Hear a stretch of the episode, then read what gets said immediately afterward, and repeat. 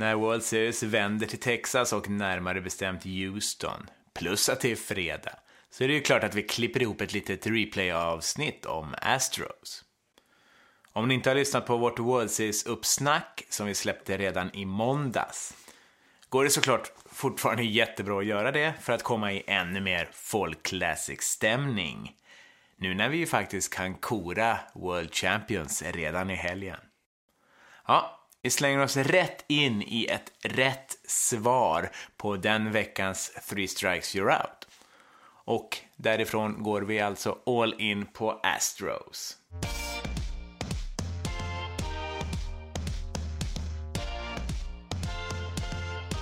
Ja, du kan få äran att berätta vad det stod på din lapp.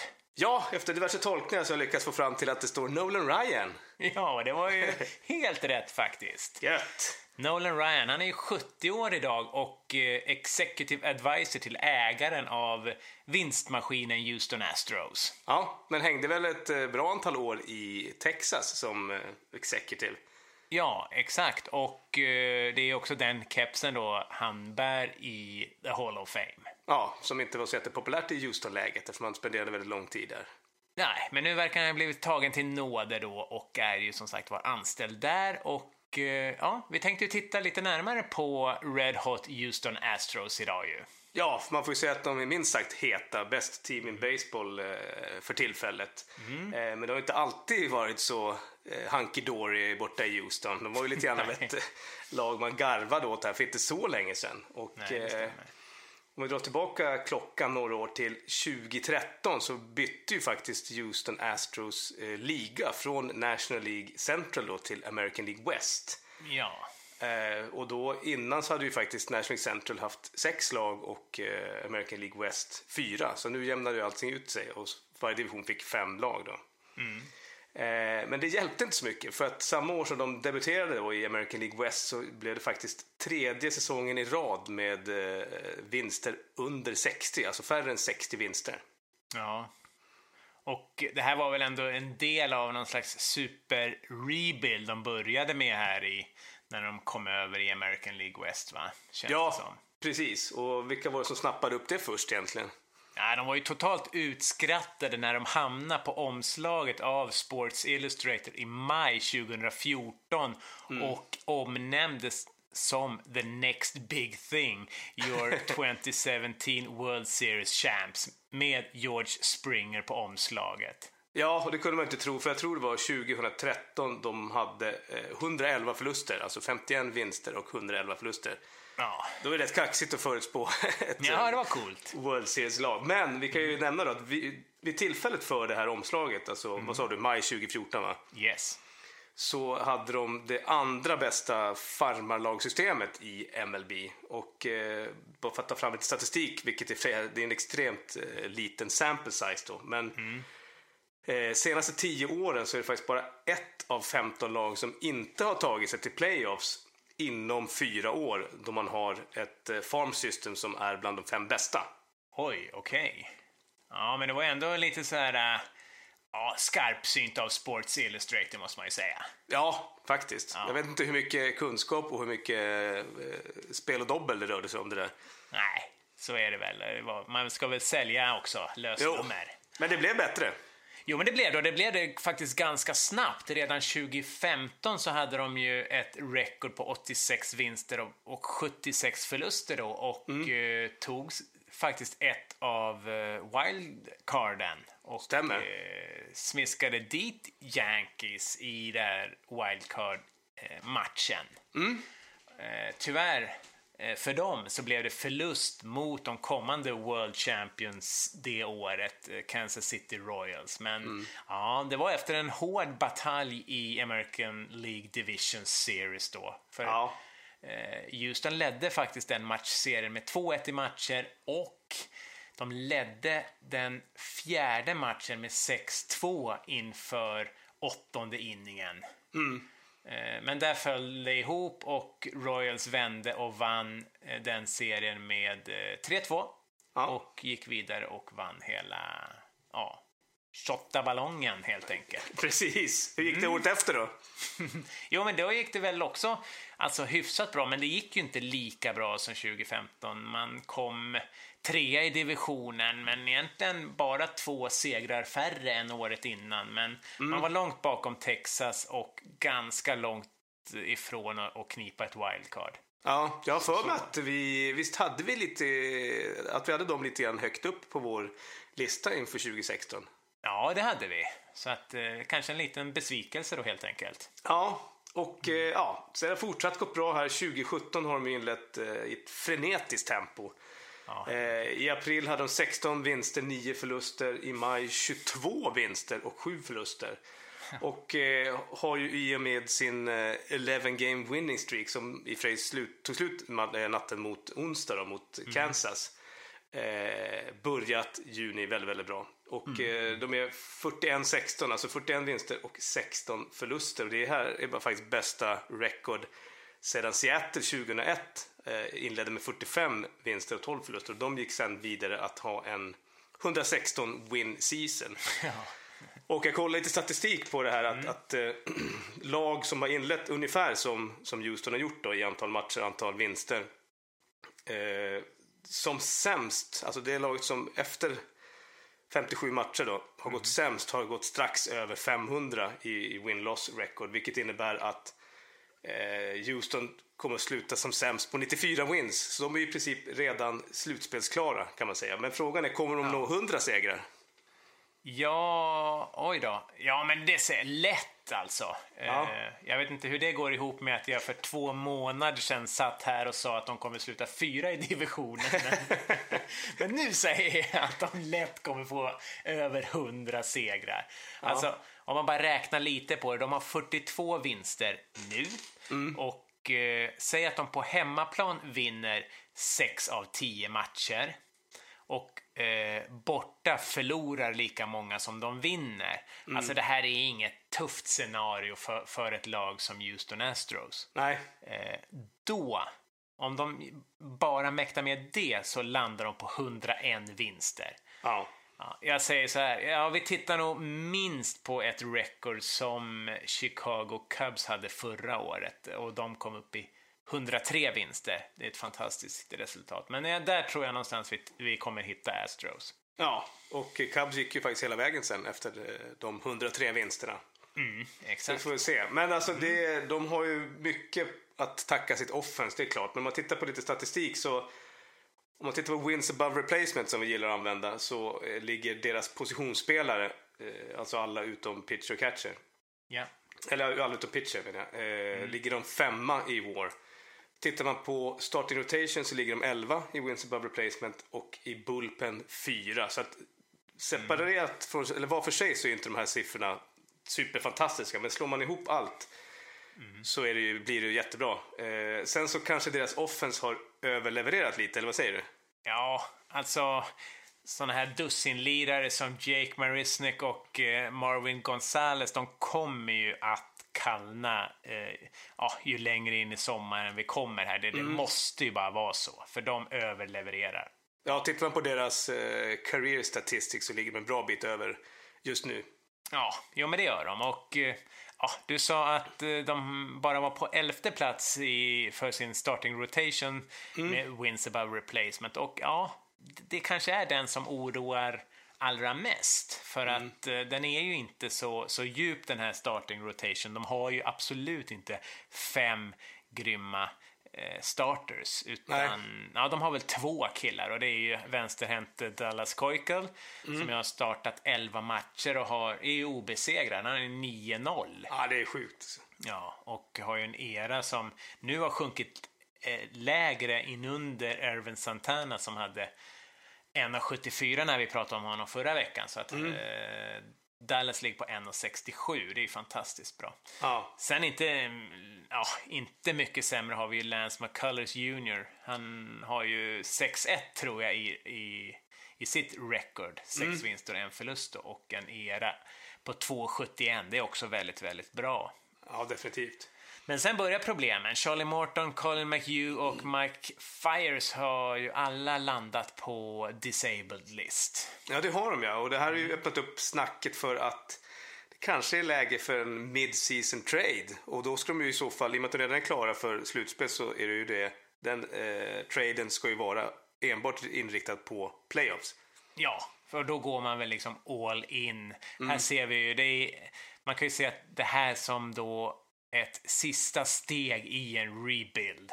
Ja, Det var ju exakt så här som Chicago Cubs gjorde förra året och de hade ju varit inne och ja, de har ju haft exakt de här siffrorna som Astros också hade i Precis. början av eh, ja, i 2012, 2011, 2012, 2013. Eh, Så att vi ser ju en väldig likhet här och eh, ja, de gjorde ju sina sista eh, bra drag då i, vid den här trading deadline i slutet av juli. Ja, om man sen tittar på bullpen då, eller relief pitchers, så ja, där har de ju ett ganska bra djup, även om det inte är helt övertygande ändå för ett lag som har sådana här bra resultat. Om man tittar på closen Ken Giles så är han lite tveksam med en era över fyra. Det ska väl kanske inte en closer ha, va? Nej, tittar man på Zach Britton, han låg ju under ett va? Ja, det är lite bättre det. Ja. Och sen har du ju han setup guy, Luke Gregerson. Han har ju en ännu högre era på, på fem. Och då börjar man ju förstå att ja, här har ju offense verkligen levererat om, om pitchers kan ha så här höga eh, siffror för eh, de poängen de släpper in. Ja, absolut. Och det fick ju inte minst eh, divisionsledaren Minnesota erfara förra veckan. Ja, just det. Hur många, in, hur många runs blev det i en inning där? Jag kommer inte ihåg, var det... eh, Ja, 40 blev det på de tre matcherna, så var det. Just det, så var det. Ja. Man glömmer lätt, men inte Minnesota tror jag glömmer det så Nej. lätt. Men sen har vi han Chris Devensky. Han är Mm. årets Andrew Millers, eh, känns det som. Spännande, ja. Ja, sätts in i vilken inning som helst eh, mot de tuffaste motståndarna. När motståndarna kommer upp med sina, ja, säg 3, 4, 5 heart of the order, då slänger man in Chris Devensky och det har ju visat sig oerhört bra. Han har ju flest innings i deras bullpen med 35 innings pitched och eh, till det lägsta eran på 2,57. ja. Och det ska vi alltså då eh, poängtera att det, han alltid nästan pitchar mot de bästa slagmännen. Ja, men det är kul att den här strategin som inleddes av eh, Joe Madden och eh, Terry Francona förra året, att den fortsätter. Ja, Att inte Nej, följa det- det gamla mönstret. ja det är grymt. Spännande. Ja, eh, om vi då tittar lite grann på hur deras rebuilding har gått till då så har ju de eh, ja, utgått från en core four. De har byggt sitt lag kring fyra spelare som alla är under 27. Och Ja, eh, då det. kan vi ju dra lite paralleller till New York Yankees då som i slutet på 90-talet och början på 2000-talet också hade sin core four i Derek Jeter, Andy Pettit, Jorge Posada och eh, Mariano Rivera. Och den här Houstons core four består ju av eh, José Altuve först, andra basmannen. Eh, lite skojigt för han, eh, redan som 16-åring så åkte han på en, en Houston tryout i Venezuela. Jaha, okej. Men blev kattad redan första dagen. Eh, men sen så blev han övertalad av sin pappa faktiskt att åka tillbaka dagen efter Jaha. och insistera och eh, då fick de till slut eh, omvärdera honom och han skrev på ett kontrakt för 15 000 dollar vilket Okej. ju får betraktas som eh, vinna på lotteriet för Houston. Ja, det är klart. Men utöver honom då så har man ju eh, shortstoppen Carlos Correa, centerfielden George Springer och eh, tredje basmannen Alex Bregman och alla de är ju first round picks. Som man då har fått i och med att man har förlorat oerhört många matcher och eh, hamnat sist i divisionen. Ja, Eller hur? precis. Då får man välja först. Så är det ju. Och eh, ja, men det här med Core 4, det är jäkla spännande och det var ju väldigt lyckosamt att ha den kvartetten för New York Yankees i början av och mitten av 90-talet där. Ja, det Eh, får man ju säga. Om man tittar historiskt så är det bara två lag sedan 1901 som har haft fyra sådana positionsspelare under 27 år med eh, en war, en wins above replacement över fem. Det är Boston och det är New York Yankees och detta var både 1942 och ja, Boston leddes av Ted Williams och i Yankees var det Joe DiMaggio som var kanske den allra största toppen i, i deras kvartett då. Mm. Och eh, ja, om man har en sån här bra kvartett som kan leverera över fem i war, alltså om man, eh, framförallt om man har en ung sån kvartett som ja. inte kostar så mycket, som alltså ger laget totalt 20 extra segrar på en säsong. Ja, då är man nog rätt ute i sitt lagbygge måste man väl säga. Ja, verkligen. Och eh, ja, men Houston har väl ganska bra chans att kunna lösa det här va, i år? Ja, jag tror det. Att mm. eh, både eh, Altuve, Correa och Springer ligger ju där kring och mm. över fem. Då. Den som sladdar lite grann är, är Alex Bregman, då, tredje basmannen, men han spelar å andra sidan sin första fulla säsong så man kanske inte kan förvänta sig en, en, en sån leverans av honom. Nej. Men, ja. Oavsett så är, så är det ju de som ligger bakom den här eh, framgången. Och sen så Ja, vi kan bara nämna att Houston hade ju den yngsta eh, medelåldern på sina positionsspelare i American League 2016. Sen signar de lite gamla rävar, till exempel mm. eh, Carlos Beltran som är DH. Han har ju till exempel sex postseason i fem klubbar. Han har ingen ring, så han är extremt hungrig. Mm. Eh, vi har Josh Reddick eh, som är right field, left field. Brian McCann, catchen, signar från Yankees. Och Nori Aoki som är left fielder har gett att det är en fantastisk blandning eh, med fyra unga hungriga spelare och fyra rutinerade rävar som kan ge en, eh, vad heter det nu, när, två, när ett plus ett blir tre. Jajamän. Synergi! Ja, synergi. Jajamän. Släng in Sonny Gray där så har vi kanske ett omslag från 2014 som slår in. Ja, det hade varit mäktigt. Men vi kan i alla fall sluta med Eh, att säga att hetast av de heta är ju då centerfielden George Springer som ju blev American, American League Player of the Week förra veckan när han mm. hade ett batting average på 500, alltså 15 Oj. hits när han var uppe och slog 30 gånger och ja, bland annat fem homeruns. Mm. Och eh, den hetaste dagen var i söndags när han var 3 för 5 med två homeruns som också säkrade den här sweepen, alltså tre raka segrar över Texas Rangers och eh, ja, gjorde att de fick en winning streak på tio matcher i rad då.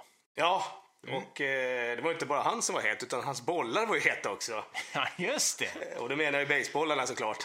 Ja. För att det var en match mot Baltimore så hade en foulball som eh, hamnade rätt i en fritös. Ja, så var det så? ja, jag var där på konkursen. Jag vet inte vad man, hur man översätter det på, på svenska, men eh, så hade de ett eh, stånd där de sålde funnel cakes. Och okay. den, där, den där ståndet fick ju stängas ner. Det var ju, såg ju inte helt hundra ut efter en farbror hade stängt ner hela, hela affären. Men eh, det var någon reporter som hade hittat bollen och hade beskrivit den som varm och luktade lite greasy.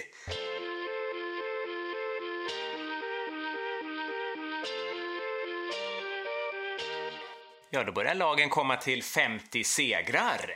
Ja, det gör de ju faktiskt. Det är ja. faktiskt hela tre stycken nu. Det är Houston, Dodgers och eh, Arizona Diamondbacks. Mm. Men eh, Houston var faktiskt först. Ja, det var de. Eh, de svepte Oakland borta här i torsdags och nådde då 50 wins som första lag efter 74 spelade matcher. Ja, inte helt oväntat. Det är de som absolut har gått bäst här nu i början. Ja. Men eh, Dodgers var ju inte så sena. De har ju varit riktigt heta här på slutet och de gjorde det väl bara två dagar senare när de mm. hade spelat 76 matcher va?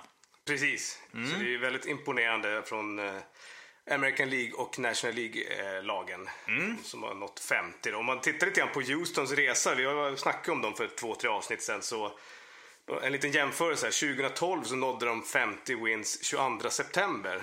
ja, eh, lite skillnad. Det här var ja. alltså, I år nådde de ju då 22 juni, vad blir det? Mm. Eh, 2013 blev det 11 september, lite förbättring. 2014 12 augusti och så 2015 och förra säsongen då 17 juli. Oj. Eh, så att, eh, ja, det Men visar ganska... en månad tidigare i år då? Ja, så det visar ju på vilken otrolig form de är. Ja. Eh, och de är faktiskt det fjärde laget att nå 50 wins med 74 matcher spelade eller färre. Eh, okay. De lagen som gjort det tidigare var Seattles årgång 2001, mm. eh, White Sox årgång 2005, St. Louis 2015. Då. Och, eh, mm. ja, de är ju rätt överlägsna i American League. De är ju 11 wins för den närmsta American League-lag. Och det kan de tacka mycket deras eh, road record, road trip record. De är ju alltså 29-9 på bortaplan. Ja. Vilket faktiskt är fler wins än Philadelphia Phillies har totalt. Oj, på bortaplan. Ja. Ja. de är väl, vad var det, sjätte laget sedan eh, 1961 att gå in i juli med ensiffrigt i förlustkolumnen för just bortamatcher då. Ja, och det visar återigen hur starka de är. Alltså, det är helt okej att vara, vara starka hemma, men att visa ett sånt otroligt bra borta-record visar att eh, det här är ett lag att räkna med. Absolut. Och eh, om man tittar på Dodgers så var det ju... Sen de flyttade till västkusten 1958 har de faktiskt bara två gånger tidigare tagit sig till just de här 50 vinsterna snabbare än i år. Det var 1974 då de gjorde det på 74 matcher och 1977. Så det är ju verkligen ett tag sedan de var så här bra. Ja, och Dodgers har också varit på uppgång de senaste åren verkligen. Eh, Och ja, frågan som jag ställer mig och många andra också ställer sig, är det kanske redan klart vilka som möts i World Series? ja, kanske. Alltså tittar man på Houstons record då är, nu är ju 52 vinster, 25 förluster och Dodgers har 51 vinster, 27 förluster. Och tittar man på run differential eh, så har ju Dodgers plus 134 och Houston har plus 119. Vilket Vad är run differential? Ja, det är ju hur många fler runs de har gjort än de har eh, släppt in om man säger. Ja, okej. Eh, och det här visar ju på att de, de dominerar ju bara, eh, verkligen sina motståndare. De vinner inte bara matcher utan de dominerar i matcherna. Och det märker vi också på om man tittar på statistiken. För bägge ligger ju i toppskiktet i respektive liga. Både vad gäller offensiv och vad gäller pitching. Ja, och där är det ju faktiskt både så att säga starting rotation och bullpen som ligger bra till i den där statistiken. Ja, exakt. Det är ju, de har ju de stora S'en då, Dodgers, Clayton Kershaw och eh, Houston har ju Dallas Keuchel som tyvärr är ju på disabled list och jag vet inte om han är på väg tillbaka. Han har väl börjat kasta här va? Ja, sist jag läste så att han hade börjat kasta on flat ground. Eh, Jag vet inte, du som har pitchat själv kanske kan förklara. Alltså det är väl lite mindre påfrestning att kasta, att inte stå på kullen och kasta. Ja, och det är ju just steget innan man kliver upp på kullen så att säga och börjar kasta ordentliga bullpen sessions. Ja, och han har ju faktiskt varit på DL sedan 8 juni, så det är nästan ja, det är tre veckor sedan han varit borta. Men vi hoppas att han kommer tillbaka. Absolut. Och eh, ja, det som både talar för och talar emot att det här är World Series-lagen är ju att det är, båda lagen dräller av unga talanger. Ja, Eh, visst. Alltså. Otroligt duktiga, otroligt roliga att se, men frågan är när vi kommer fram i oktober och World Series så har de ju inte så mycket eller ingen alls rutin av, eh, av postseason baseball. Så att, eh, mm. Nej, och ja, vi får ju se. Alltså, jag tror inte att, att eh, varken Houston eller Dodgers kommer att eh, gå in i en sån här superslump och, och, eh, och ha en eh, streak på 10-12 förluster eller eh, gå 2-8 på de, på de 10 senaste matcherna. Men däremot kanske rivalerna kan rycka upp sig. Alltså,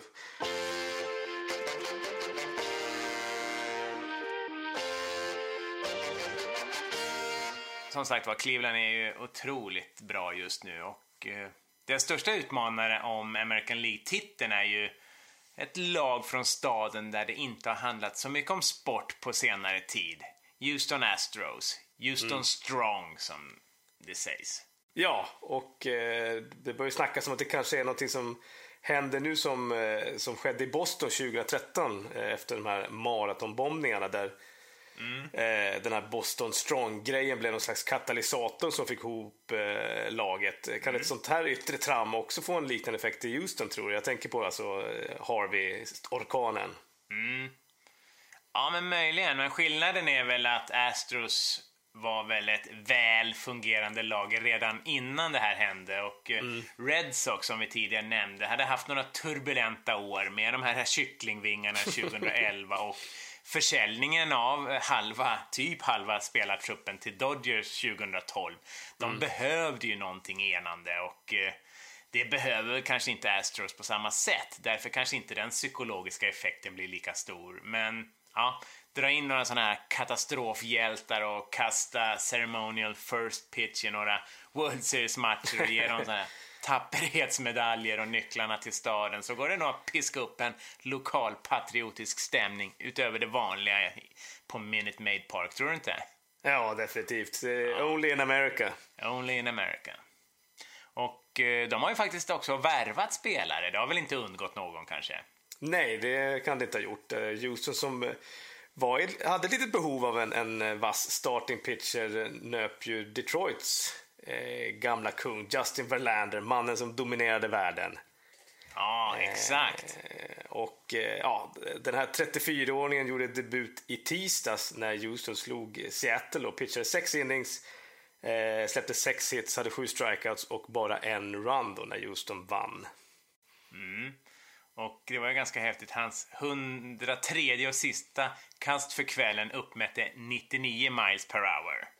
Ja, det är inte dåligt alltså. Den, kan, den gamle kan en kan man säga. Ja, och han kommer bli en tillgång i oktober. Han är en, först och främst en grym tävlingsmänniska och han har ju bra stats från postseason. På 16 starter har han vunnit 7 matcher och har en era på 3,39. Mm. Mm. Det snackas ju redan om att Houston Astros ska byta namn. Jaha. Till Justin Astros. Justin Astros. Ja.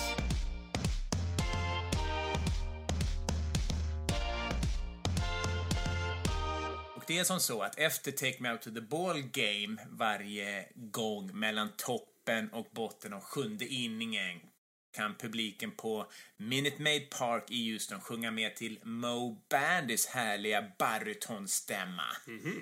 Och det är faktiskt som så att låten även finns i en svensk version av Stefan Borsch orkester. Oj, oj, oj! Ja, då heter den Djupt in i Värmlandsskogen.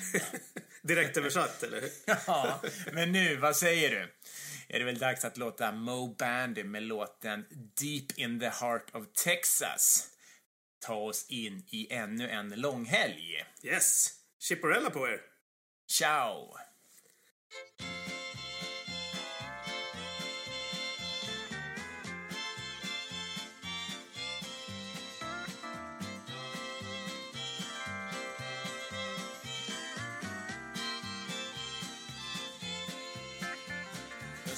Stars at night are big and bright.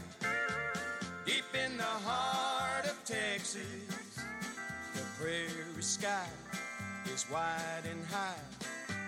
Deep in the heart of Texas, the sage and bloom is like perfume.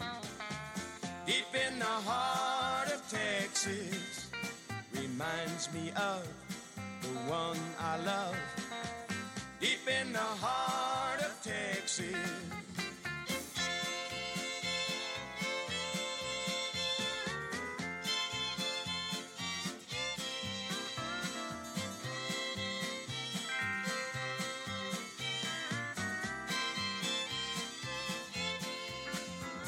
The coyotes wail along the trail deep in the heart of Texas.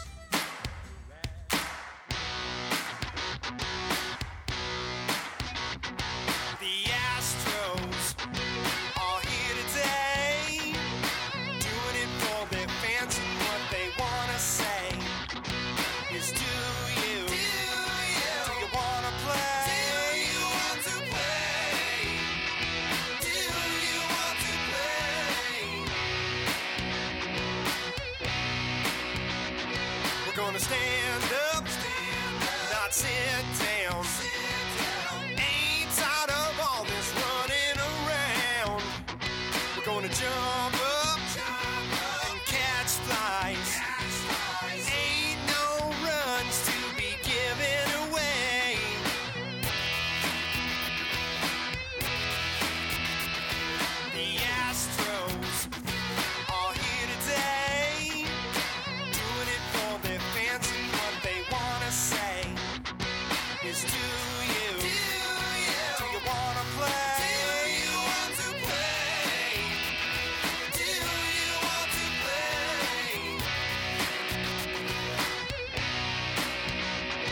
there's a fountain.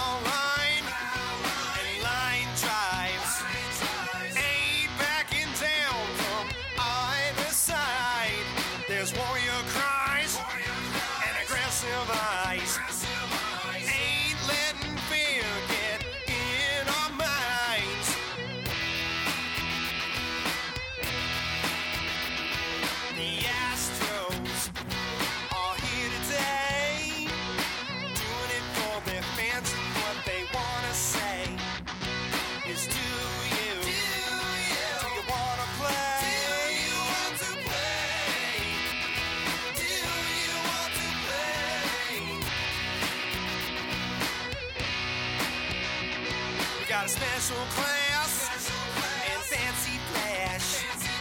Staking our claim while we're talking some trash. We got some new blood and great.